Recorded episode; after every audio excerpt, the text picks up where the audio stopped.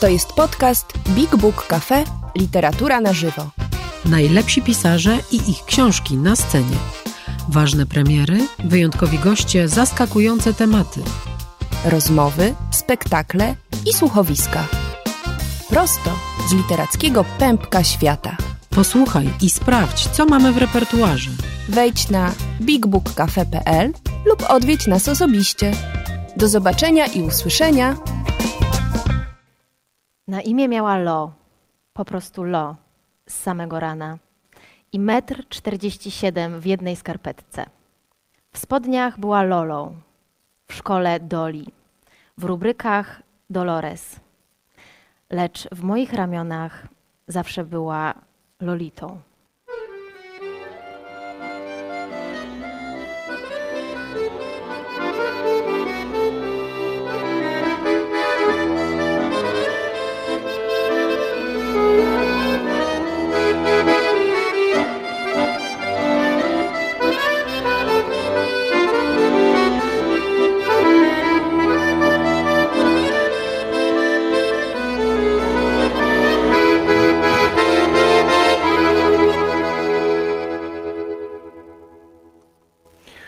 Czy miała poprzedniczka? Tak, owszem. Mogłoby w ogóle nie być żadnej Lolity. Gdybym przed nią pewnego lata nie pokochał innej dziewuszki jaskółki. W nadmorskim księstwie. Ach, kiedyż. O tyle mniej więcej lat przed narodzeniem Lolity. Ile sam wtedy miałem. Na mordercę zawsze można liczyć, że błyśnie kunsztowną prozą. Lolito, światłości mojego życia, ogniu moich lędźwi, grzechu mój, moja duszo. Lo, li, to. Konieczek języka robi trzy kroki po podniebieniu. Przy trzecim stuka w zęby. Lo,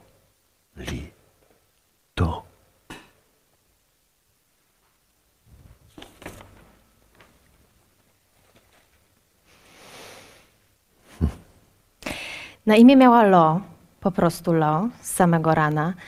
I metr czterdzieści siedem w jednej skarpetce. W spodniach była Lolą, w szkole Doli, w rubrykach Dolores. Lecz w moich ramionach zawsze była Lolitą. Raz po raz kartkuję te nieszczęsne wspominki i zadaję sobie pytanie, czy to właściwie wtedy, w migotaniu tego odległego lata, moje życie naznaczyła pierwsza rysa. A może nieumiarkowane pożądanie, jakim pałałem do tamtego dziecka, było jedynie wstępnym symptomem wrodzonej mi predylekcji?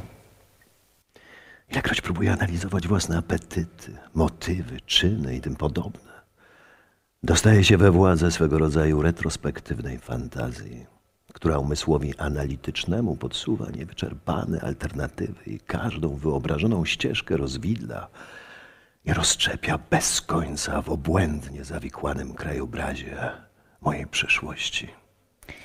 Czy to Monsieur Humbert?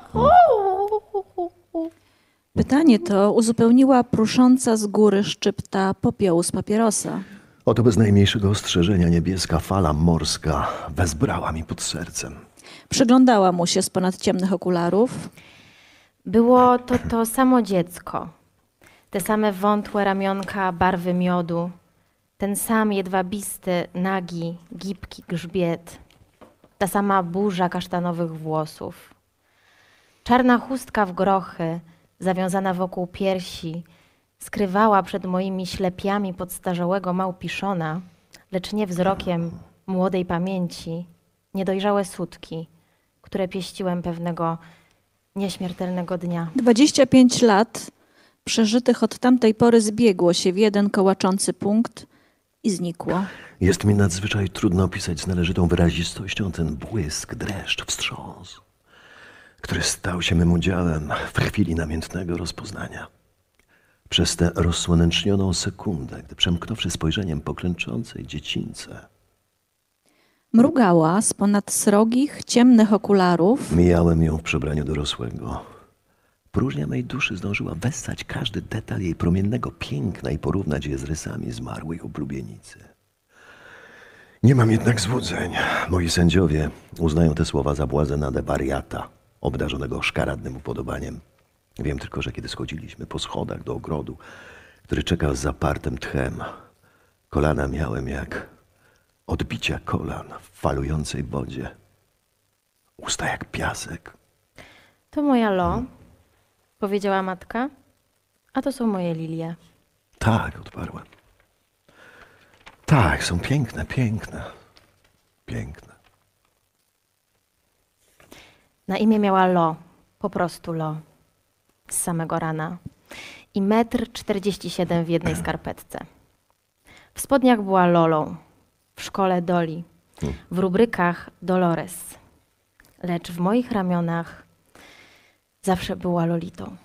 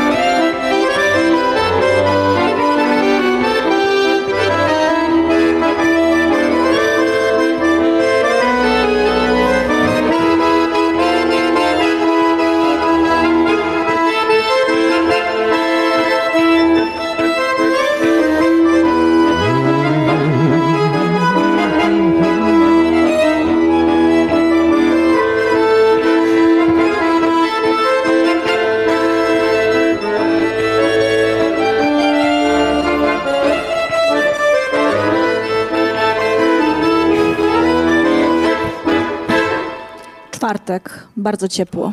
Z dogodnego punktu obserwacyjnego Okna łazienki. zobaczyłem, że w jabłkowo-zielonym świetle za oknem Dolores zdejmuje pranie ze sznurka. Bez pośpiechu wyszedłem. Miała na sobie koszulę w kratę, dżinsy i tenisówki. Każdy jej ruch wśród słonecznych centek targał najtajniejszą, najczulszą struną mego nieszczęsnego ciała. Po chwili usiadła przy mnie na dolnym schodku werandy i podnosząc kamyczki z pomiędzy stóp. Kamyczki, mój Boże. Hm. A potem wykrzywiony jak warga w opryskliwym grymasie kawałek szkła z butelki po mleku. Zaczęła nimi rzucać w jakąś puszkę. Brzęk. Drugi raz się nie uda, nie trafisz. Toż to męka. Już drugi raz. Brzęk. Cudowna skóra. Och, jaka cudowna. Delikatna i opalona.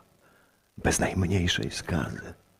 Melba powoduje trądzik. Oleista substancja zwana łojem wzmacnia mieszki włosowe. Lecz w nadmiarze wywołuje podrażnienie, które toruje drogę infekcji. Ale nimfetki nie miewają trądziku. Chociaż opychają się tłustościami. A Boże, co za męka ten jedwabi, jedwabisty poblask nad jej skronią, który stopniowo przychodzi w połyskliwy brąz włosów. I kosteczka drgająca z boku przypudrowanej kurzem pęcinki. Mała Makku, Ginny Makku. O, jest potworna i wredna i kulawa. Obała nie umarła na porio. Brzęk. Lśniący ornament puchu na przedramieniu. Kiedy wstała, żeby zanieść pranie do domu, miałem okazję wielbić z oddali spłowiałe siedzenie podwiniętych dżinsów. Z trawnika wykwitła niczym sfingowany przez fakira fiskus. Łaskawa pani Haze. A z nią aparat lustrzanka i po chwili heliotropicznych ceregieli, smutne oczy wzwyż, rade oczy w dół, śmiała zrobić mi zdjęcie, gdy siedziałem na schodach, mrugając w słońcu. Sobota. Początek skorygowany, być może Wiem, wiem. Szaleństwem jest prowadzić ten dziennik, ale czerpię z niego dziwną podnietę. Szaleństwem jest prowadzić ten dziennik. Moja L opalała się dziś na tak zwanej piacy. Lecz jej matka i jakaś inna kobieta przez cały czas kręciły się w pobliżu. Mogłem oczywiście usiąść w fotelu na biegunach i udawać, że czytam. Ale na wszelki wypadek trzymałem się z daleka w obawie, że przez to straszliwe, wariackie, groteskowe i żałosne drżenie, które mnie poraziło, nie uda mi się przekonująco, nonszalanckie, entre Niedziela. Trwa fala upałów. Moje cudo leżało na brzuchu. Pokazując mi, pokazując tysiącom oczu, które wytrzeszczała moja wielooka krew. Lekko wystające łopatki. Puszek w żlebie grzbietu. Prężne obrzmienia wąskich pośladków opiętych czernią i księstwo udzielne ud uczynnicy. Siódmoklasistka po cichu delektowała się zielono-czerwono-niebieskimi komiksami. Bardziej uroczej nimfecki nie wymyśliłby sam zielono-czerwono-niebieski priap. Gdy na nią patrzyłem suchousty przez pryzmatyczne warstwy światła, koncentrując swą chuć i lekko się huśtając pod gazetą, czułem, że sam ten widok przy należytym skupieniu może wystarczyć, abym natychmiast żebraczym sposobem zaspokoił żądzę. Lecz jak drapieżnik woli zdobycz w ruchu od nieruchomej, tak i ja zamierzałem synchronizować swe smętne spełnienie tym czy owym spośród dziewczęcych gestów, które czasem wykonywała, nie przerywając lektury. Usiłowała na przykład podrapać się w środek pleców i przy okazji odsłaniała grawiurowaną pachę. Deszcz. Jezioro deszczów. Mama pojechała po zakupy. Wiedziałem, że L jest gdzieś niedaleko. Dzięki, dzięki paru sprytnym manewrom spotkałem się z nią w sypialni matki. Podważała palcami powieki lewego oka, żeby wydłubać jakiś paproch. Kraciasta sukienka. Uwielbiam tę jej odurzającą brązową woń, ale naprawdę powinna od czasu do czasu umyć głowę. Przez chwilę oboje kąpaliśmy się w zielonym cieple lustra, w którym oprócz nas taplał się wierzchołek topoli na tle nieba. Raptem chwycił ją za ramiona, potem skromniej za skronie i obrócił twarzą do siebie. Chcesz, żebym spróbował? Jasne, Delikatnie pociągnąłem swym drżącym żądłem. bosko. Rzeczywiście wyszło. Teraz drugie? Głupi, przecież tam nic... Dobra. Zgodziła się, gotowa współdziałać, a ponury Humbert pochylił się ku jej ciepłej, uniesionej, zarumienionej twarzy i przywarł ustami do trzepoczącej powieki. Lo parsknęła śmiechem i wypadła z pokoju. Noc. A w życiu nie zaznałem takich cierpień. Chciałbym opisać jej twarz, sposób bycia. I nie mogę, bo pragnienie, które we mnie budzi, odbiera mi wzrok, kiedy ona jest blisko. Nie przywykłem do obecności nimfetek. Niech to szlak. Ilekroć zamykam oczy, widzę z niej tylko unieruchomiony wycinek. Filmowy fotos. Urokliwą gładź dolnych sfer migających nagle spod szkockiej spódniczki. Gdy siedzi z kolanami pod brodą i wiąże sznurowadło. Wracam do pamiętnika. Powiedzieć, że włosy ma kasztanowe, a usta czerwone jak czerwony, świeżo polizany cukierek, z pięknie pulchną dolną wargą. Ona też skądinąd nie jest kruchym dzieckiem z literatury kobiecej. Do szaleństwa doprowadza go moja dwoista natura. U mojej Lolity tkliwa marzycielska dziecinność idzie w parze z czymś nieziemsko-wulgarnym, co ma swój rodowód w perkatej śliczności reklam i ilustrowanych czasopism. W mętnej różowości nieletnich pokojówek ze starego i w bardzo młodych ladacznicach przebieranych za dzieci w prowincjonalnych burdelach. A jeszcze mierza się w to nadzwyczajna, nieskazitelna tkliwość. Przesącza się przez piżmo i mierzwę, przez szlam i zgon. O Boże, Boże. Najbardziej zaś zdumiewa fakt, że ona, ta Lolita, moja Lolita, narzuciła indywidualną postać pradawnej chuci autora. To też przede wszystkim i nade wszystko jest Lolita. Wtorek. Chmury znowu udaremniły piknik pod nieosiągalnym jeziorem. Czyżby machinacje losu? Wczoraj przymierzyłem przed lustrem nowe kąpielówki.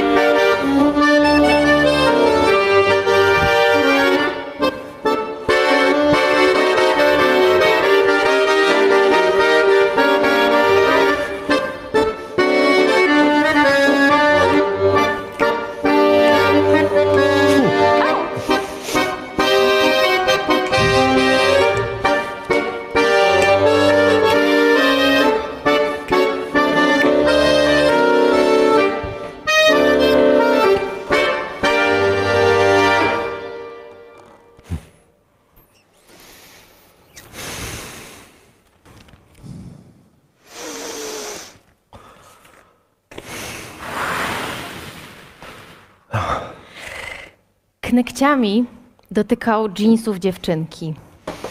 Była boso. Na paznokciach stóp miała resztki wiśniowego lakieru, a na wielkim palcu kawałek plastra. Boże, co by dał, żeby natychmiast, tak jak tam siedziała, ucałować te stopy o delikatnym kośćcu i długich palcach, podobne do małpich. Jej dłoń nagle wślizgnęła się w moją, więc niepostrzeżenie trzymał, głaskał i ściskał tę gorącą łapkę aż do samego sklepu. Modlił się, żebyśmy nigdy nie zajechali pod sklep, co się jednakowoż w końcu stało. Piątek.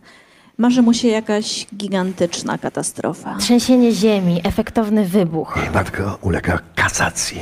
Nieapetycznej, lecz niezwłocznej i nieodwracalnej.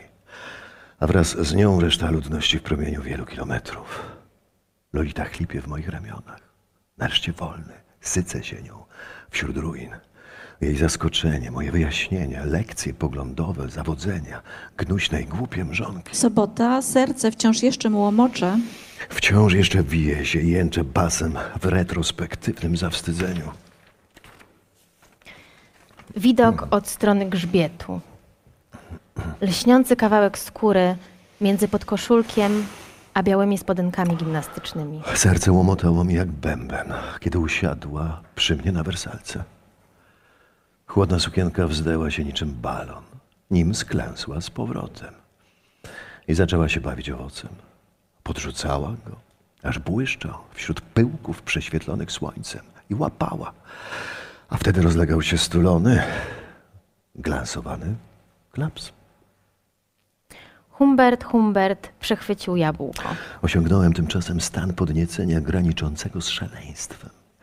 Byłem jednak zarazem przebiegły jak szaleniec. Siedząc na wersalce, zdołałem dzięki całej serii ukradkowych posunięć dostroić swą zakamuflowaną chuć do jej prostolinijnych członków. Niełatwo było odwrócić uwagę dzieweczki, gdy dokonywałem sekretnych regulacji, bez których sztuczka udać się nie mogła. Gadałem jak najęty aż pozostawałem w tyle za własnym oddechem. Dościgałem go, symulowałem nagły ból zęba, żeby czymś wytłumaczyć przerwy w paplaninie, z wewnętrznym wzrokiem wariata nieustannie utkwionym w celu, który złociście przyświecał mi z oddali. Ostrożnie nasilałem magiczne tarcie, które stopniowo unicestwiało w sferze iluzji, jeśli nie faktu. Fizycznie nieusuwalne, lecz psychologicznie nader kruche struktury materialnych barier – piżamy i szlafroka między brzemieniem dwóch opalonych nóg, leżących na mych udach, na ukrytym tumorem karygodnej namiętności. Jak automat powtarzałem te bzdury, trzymając ją pod ich szczególnym czarem, zrodzonym właśnie z wariacji. I ani na chwilę nie opuszczała mnie śmiertelna trwoga, że jakaś boska interwencja przerwie mi, zabierze złoty ciężar, w którego odczuwaniu zdawało się skupiać całe moje jestestwo. A niepokój ten kazał mi działać przez pierwszą minutę z okładem bardziej pośpiesznie, niż wymagała tego świadomie modulowana delektacja. Jej nogi podrygiwały z lekka na mym zelektryzowanym łonie. Głaskałem je, a ona rozkładała się w prawym rogu, prawie rozkraczała podlotna Lola, pożerając swój przedwieczny owoc i śpiewała przez kapiący sok i spadał jej kapeć. I tarła piętą w nieświeżej skarpetce, ospiętrzoną na wersalce po mojej lewej stronie stertę nieświeżych czasopism. A każdy jej ruch, każde przesunięcie czy drgnienie pomagało mi tym bardziej zataić i ulepszyć sekretny system dotykowych korelacji między piękną a bestią. Między moimi, moim zakneblowanym spęczniałym bestialstwem, a pięknem jej dołeczków pod niewinną, bawełnianą sukienką. Sunąc czubkami palców po goleniach Lolity, czułem, jak leciuteńko się jeżą mikroskopijne włoski. Zatraciłem się w cierpkim, lecz zdrowym skwarze, który letnią mgłą spowijał małą, mglistą chazę. Żeby tak już została, żeby została. Kiedy cała się wyprężyła, rzucając do kominka ogryzek zniweczonego jabłka, na mym spiętym, udręczonym, potajemnie uznojonym łonie przemieścił się jej młody ciężar. bezwstydne, niewinne piszczele i krągły tyłeczek. I nagle w moich zmysłach zaszła zagadkowa zmiana. A wkroczyłem na poziom bytu, na którym nie liczyło się nic prócz tego, żeby napawać się wysyconą w mym ciele radością. To, co zaczęło się od rozkosznego rozdęcia moich najskrytszych korzeni, przeszło w iskrzące mrowienie, aby w końcu osiągnąć stadium absolutnego spokoju, ufności i pewności nigdzie poza w tym życiu świadomym niespotykanej. Skoro zaś ta głęboka, gorąca słodycz raz już się wyniosła, wyłoniła i niezmiennie zmierzała ku konwulsyjnemu zwieńczeniu, poczułem, że mogę zmniejszyć tempo, aby przedłużyć iskrzenie. Słońce pulsowało w usłużnie podstawionych topolach. Byliśmy niesamowicie, wręcz bosko sami. Widziałem ją, różaną, złotopylną, przez woal swego powściąganego upojenia. Całkiem jej nieświadomego i dalekiego. Wszystko było gotowe.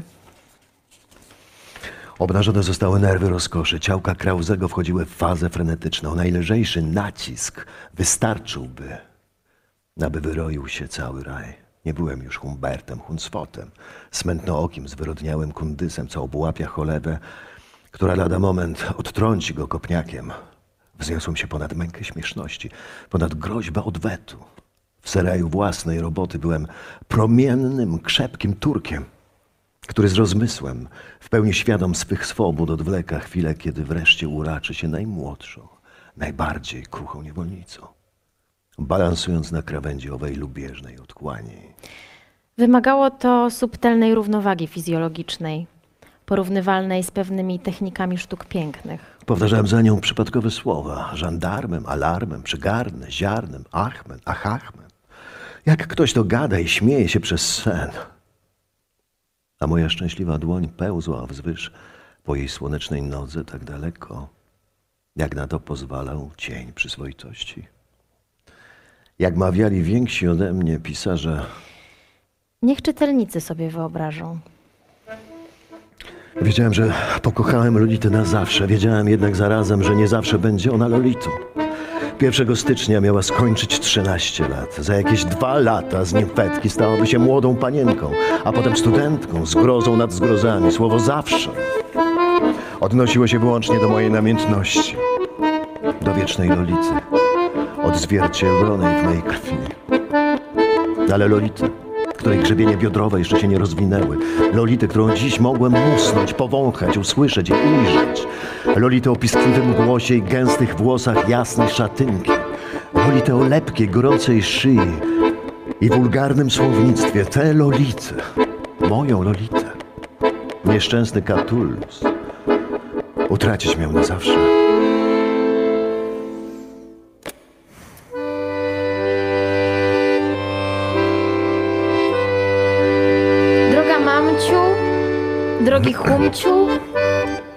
Mam nadzieję, że u was wszystko dobrze. Bardzo dziękuję za cukierki.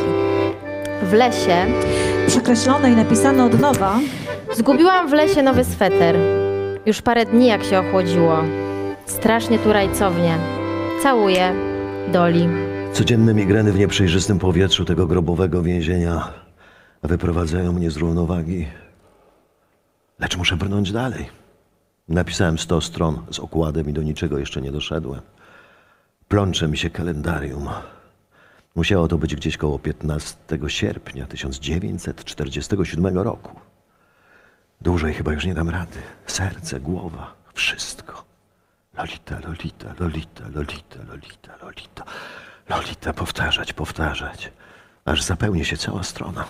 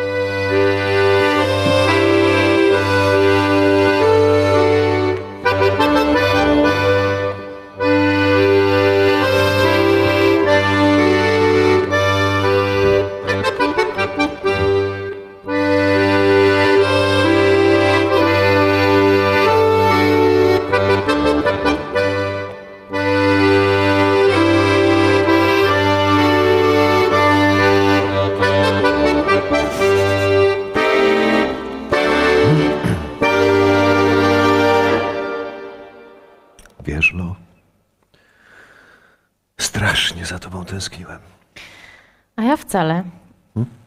Właściwie to obrzydliwie cię zdradzałam.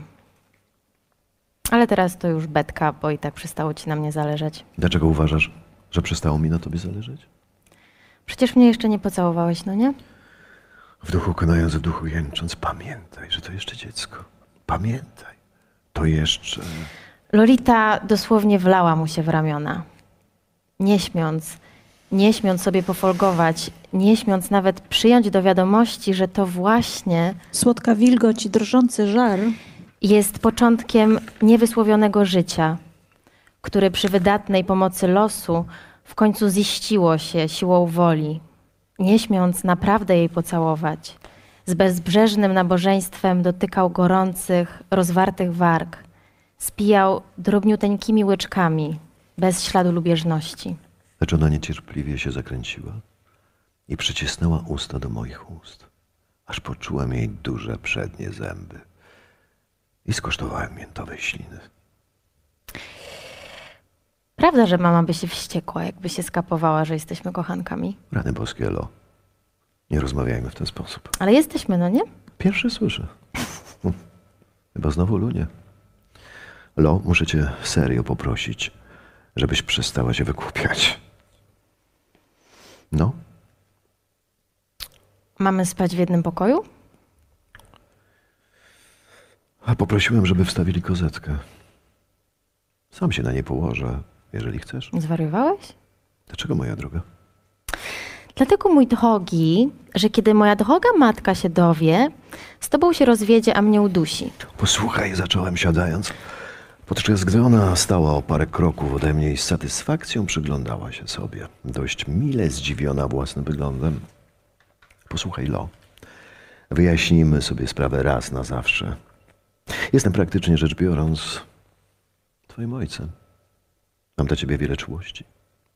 Pod nieobecność twojej matki to ja odpowiadam za twoje dobro. Nie jesteśmy bogaci, a w podróży będziemy musieli. Często będziemy się o, ciebie, o siebie ocierać.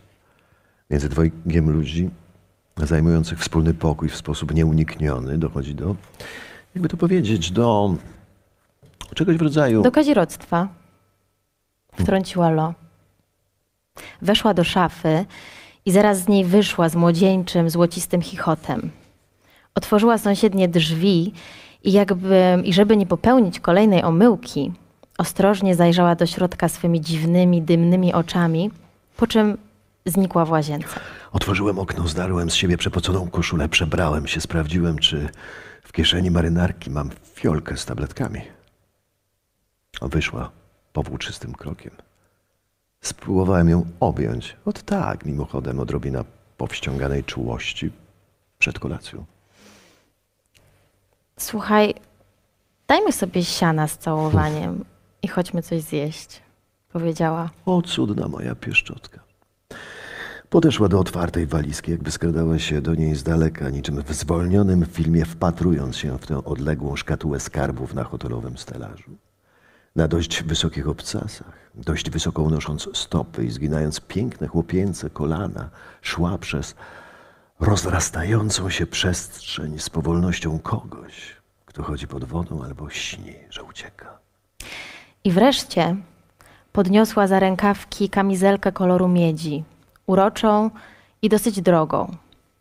Bardzo wolno rozciągając ją dwojgiem milczących dłoni, niby oszołomiony ptasznik, który z zapartym tchem rozpościera przed sobą niewiarygodną zdobycz, którą trzyma za koniuszki płomiennych skrzydeł. Nie chcesz dać buzi? Wymamrotałem. Nie panując już nad słowami, Prosto w jej włosy. Jak już koniecznie musisz wiedzieć, odparła, robisz to nie tak jak trzeba. Więc pokaż jak trzeba. Wszystko w swoim czasie. No to chodź, skarbie. Jeżeli jesteś równie głodna jak ja. Mm, byłam taka wstrętna i niegrzeczna. Potrząsnęła włosami, leniwymi palcami wyciągając z nich aksamitkę. W łazience się świeciło. Jej drzwi były uchylone. z lamp łukowych rozmieszczonych na zewnątrz budynku przenikał przez żaluzję kościotrupi blask. Owe skrzyżowane promienie przebijały mrok sypialni, ukazując mym oczom taką oto sytuację. Moja Lolita w starej koszuli nocnej leżała na boku pośrodku łóżka tyłem do mnie. Jej lekko przyodziane ciało i nagie członki tworzyły literę Z. Pod rozczochraną głowę podłożyła sobie poduszki. Smuga bladego światła przecinała górną partię kręgosłupa. Zrzuciłem ubranie i wciągnąłem piżamę z fantastyczną, zdawałoby się, natychmiastowością, jaką sugeruje kino. Ilekroć montażysta wytnie etap przebierania. I już oparłem kolano o brzeg łóżka, kiedy Lolita obróciła głowę i spojrzała na mnie przez pręgowane cienie. Doli patrzyła mu prosto w twarz. W końcu ze zrezygnowanym westchnieniem wróciła do poprzedniej pozycji. Co najmniej przez dwie minuty czekałem i sprężałem się na krawędzi niczym ten krawiec, który przed 40 laty ze spadochronem własnej roboty szykował się do skoku z wieży. Lekki oddech Lo falował w takt snu. Końcu zwaliłem się na swój skrawek łóżka i zacząłem ukradkiem ciągnąć ku sobie pościelowe szmatki strzępki spiętrzone na południe od moich stóp zimnych jak lód. A Lolita podniosła głowę i wytrzeszczyła na mnie oczy. W zupełnym bezruchu leżałem na swoim brzeszku, wpatrując się w potargane włosy, w poblask nimfięcego ciała, z którego widać było w półmroku pół uda i pół ramienia.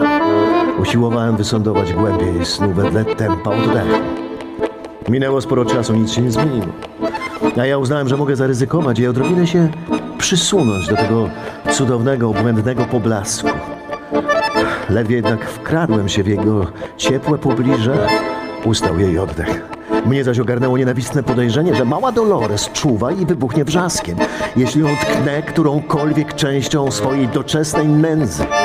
Proszę, czytelniku, choćby ci się już przejadł, czuły, chorobliwie wrażliwy i nieskończenie przezorny bohater mojej książki, nie pomijaj tych nader istotnych stronic. Wyobraź mnie sobie. Nie zaistnieje, jeśli mnie sobie nie wyobrazisz. Spróbuj dostrzec we mnie łanię drżącą w lesie mej własnej niegodziwości. Zdobądź się nawet na lekki uśmiech. Wszak uśmiechnąć się nigdy nie zawadzi. No bo na przykład nie wiedziałem, na czym mam położyć głowę i w ogóle, a oprócz innych niewygód nękał mnie atak nadkwasoty. Słysząc jej poranne ziewnięcie, udałem przystojnie profilowany sen. Nie umiałem, nie miałem pojęcia, co robić. Czy to zna szoku? Kiedy zobaczę, że leżę obok, a nie w jakimś zapasowym łóżku. Czy zgarnie ubranie i zamknie się w łazience? Ale Lo była dziewuszką rozrywkową. Czułem na sobie jej wzrok, a kiedy wreszcie parsknęła tym swoim ukochanym chichotem, zrozumiałem, że od pierwszej sekundy śmiała się oczami. Przewróciła się na bok i przysunęła, dotykając ciepłym brązem włosów mego obojczyka. Bardzo miernie odegrałem scenkę przebudzenia. Chwilę spokojnie po- poleżeliśmy. Delikatnie popieściłem jej włosy i delikatnie się pocałowaliśmy. Jakby dla sprawdzenia, czy użyłem dosyta i pojąłem lekcję, odsunęła się i bacznie mi się przyjrzała. Kości policzkowe zabarwił jej rumieniec. Dolna warga była pełna i błyszcząca. I niewiele brakowało, żebym stopniał. Wtem prychnęła z nieokrzesanej uciechy, znać, że nimfetka. I przytknęła mi usta do ucha. Przez dłuższą chwilę mój umysł nie potrafił rozebrać gorącego grzmotu jej szeptu na osobne słowa, więc roześmiała się. Odgarnęła włosy z twarzy i spróbowała jeszcze raz. Gdy zaś zrozumiałem, co proponuje, stopniowo owładnęło mną przedziwne uczucie, że żyję w zupełnie nowym, obłędnie nowym świecie snu, w którym wszystko wolno.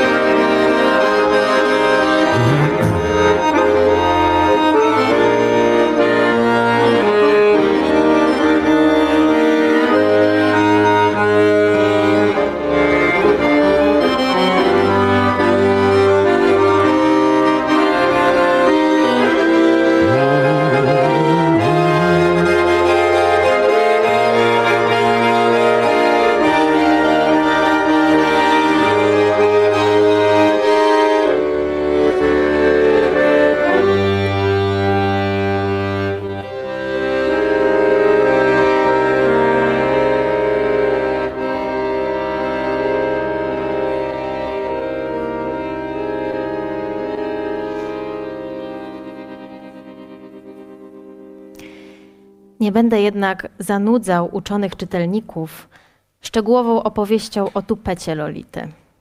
Dość stwierdzić, że nie wykryłem ni śladu skromności w tej pięknej, ledwie rozwiniętej dziewczynce, którą współczesna koedukacja, nieletnie obyczaje, obozowa wrzawa i tym podobne wpływy całkowicie i beznadziejnie zdeprawowały.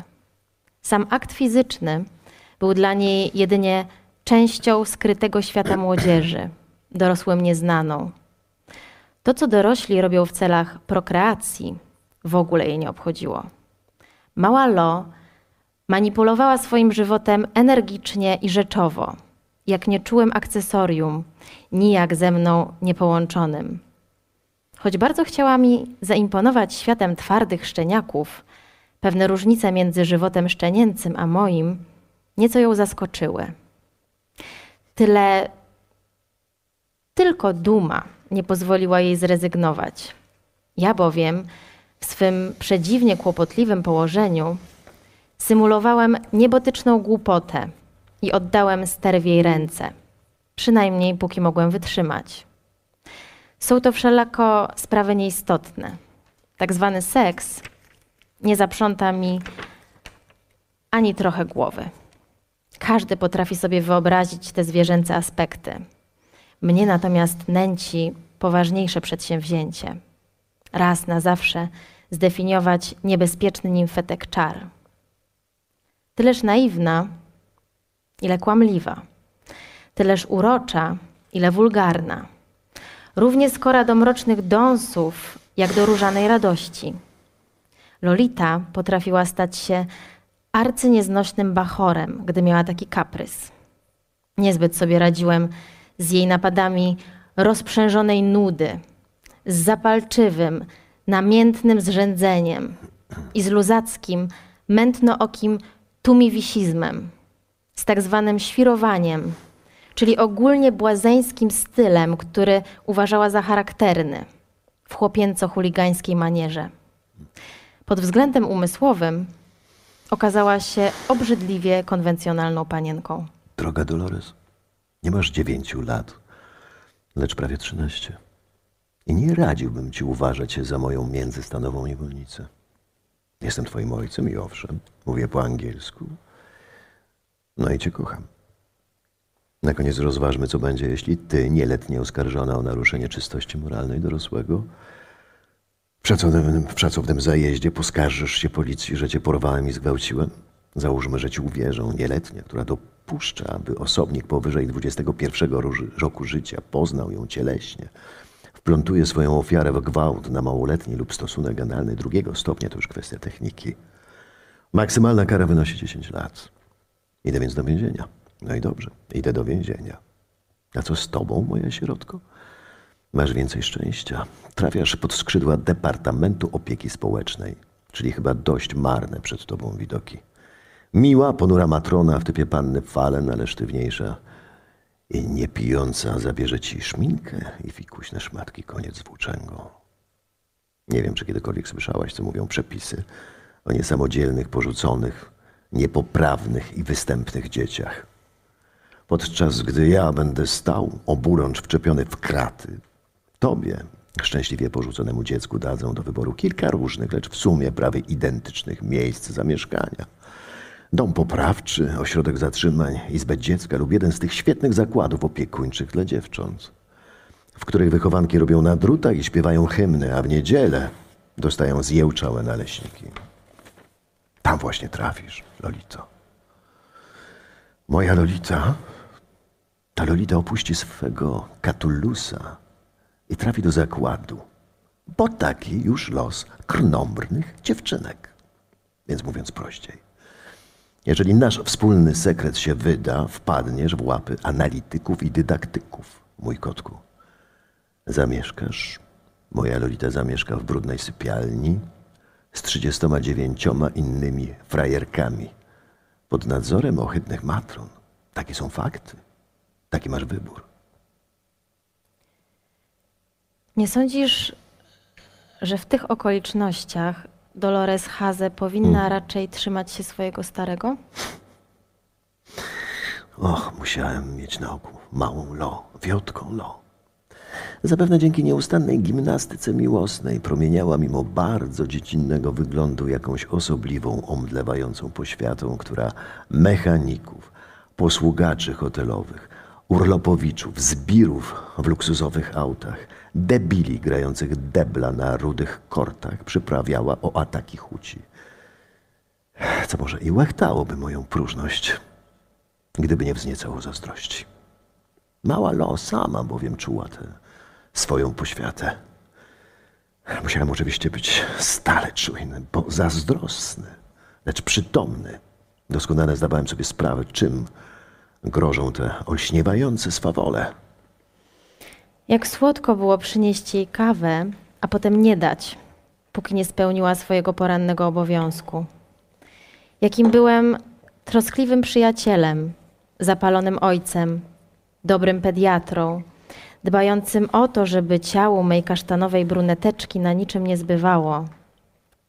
Oto jedynie miałem żal do natury, że nie mogę wywrócić mojej Lolity na lewą stronę i przywrzeć zachłannymi wargami do jej młodej macicy, nieznanego serca, opalizującej wątroby, gronorostów płuc, zgrabnych, bliźniaczych nerek.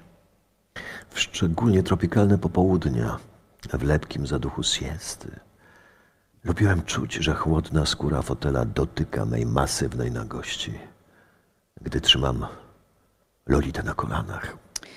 Mucha siadała i rozpoczynała spacer w okolicy jej pępka lub zaczynała poznawać delikatne, blade otoczki sutek. Lo próbowała złapać ją ręką. Weszła mój, w mój świat do Humberlandii w barwach umbry i czerni. Z popędliwą ciekawością. Obejrzała go z rozbawionym niesmakiem, wzruszając ramionami. A teraz wydawało mi się, że gotowa jest odwrócić się odeń z uczuciem pokrewnym jawnemu wstrętowi. Ani razu nie zawibrowała pod mym dotykiem, a piskliwe Coś ty. było całą nagrodą za mój trud.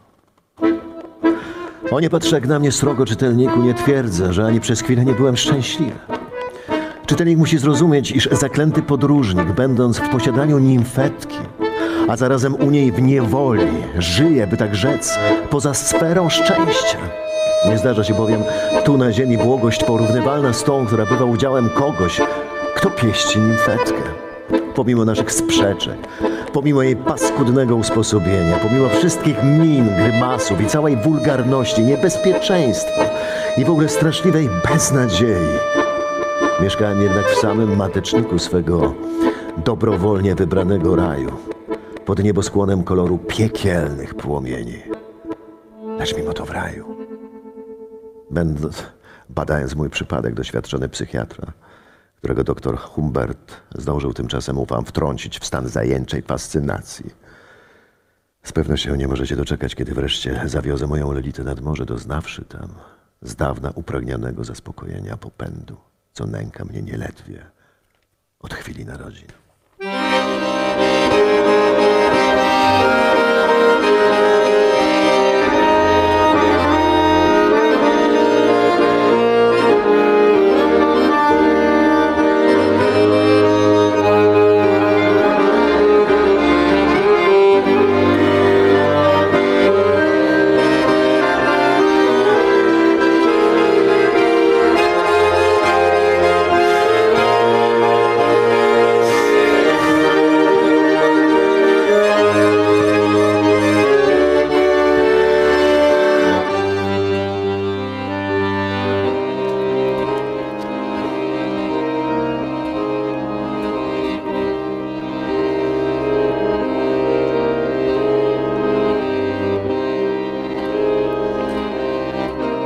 jestem mokra, oznajmiła, ile miała sił w płucach. Cieszysz się? Do diabła ze sztuką. Rozumiesz? W naszym przedpokoju, wśród powitalnej ferii świata, moja Lolita wyłuskała się ze swetra. Potrząsnęła uperlonymi włosami, wyciągnęła ku mnie dwie nagie ręce, Uniosła kolano i rzekła: Weź mnie zanieść na górę, co? hm, Tak mi się jakoś romantycznie zrobiło.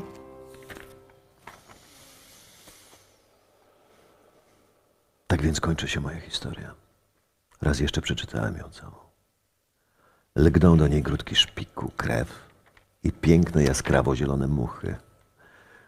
Na niektórych jej zakrętach czuję, jak moje śliskie ja wymyka mi się, nurkując w wodach zbyt głębokich i mrocznych, abym miał ochotę je sądować.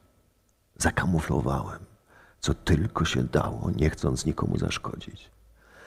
Jeśli idzie o mój pseudonim, to żonglowałem wieloma pomysłami, nim wpadł mi do głowy najbardziej stosowny. Kiedy przed pięćdziesięcioma sześcioma dniami zaczynałem pisać Lolitę, najpierw na oddziale obserwacji psychopatów, a potem w tej przyzwoicie ogrzanej, acz nieco katakumbicznej izolatce myślałem, że w całości wykorzystam niniejsze zapiski na procesie, aby uratować nie głowę, rzecz jasna, lecz duszę.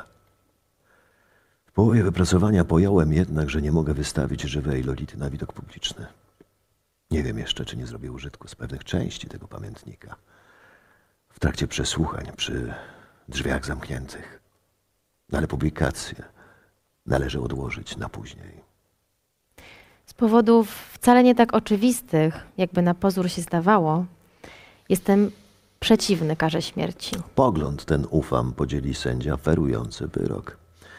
Gdybym sam miał się osądzić, ukarałbym Humberta co najmniej 35 latami za gwałt, a resztę zarzutów, resztę zarzutów bym oddalił. Po niższemu życzeniu nadaje całą prawną skuteczność i moc testamentu. Opatrzonego mym podpisem chcę, żeby pamiętnik ten opublikowano dopiero wtedy, gdy Lolity już nie będzie wśród żywych.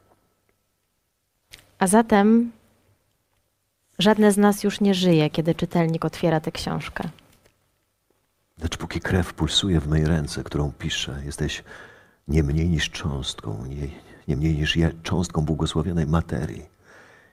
I wciąż jeszcze mogę mówić do ciebie. Bądź wierna swojemu Dickowi. Nie pozwalaj, żeby dotykali cię inni mężczyźni. Nie rozmawiaj z nieznajomymi. Mam nadzieję, że będziesz kochała swoje dziecko. Mam nadzieję, że urodzi się chłopiec. Ten twój mąż, mam nadzieję, zawsze będzie dla ciebie dobry, bo jeśli nie, to mój duch nadciągnie jak słup czarnego dymu, jak zidiociały olbrzym i rozszarpie go, nerw po nerwie.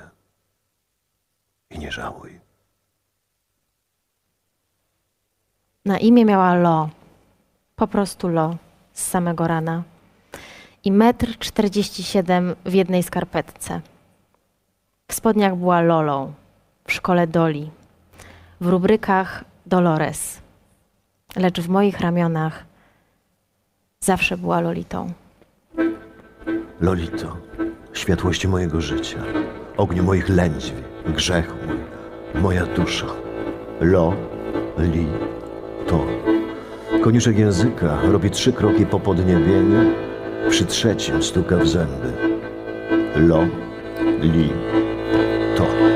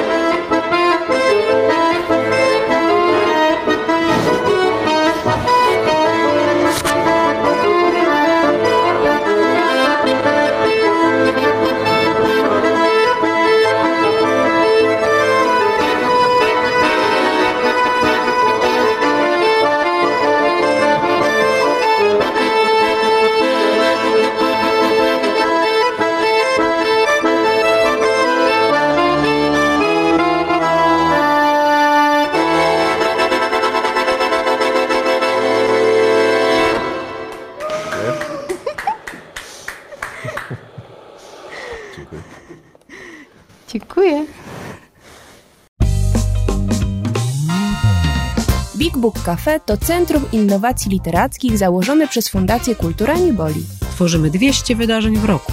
Prowadzimy wege kawiarnię i księgarnię pełną dobrych książek. Big Book Cafe. Żyjemy czytaniem.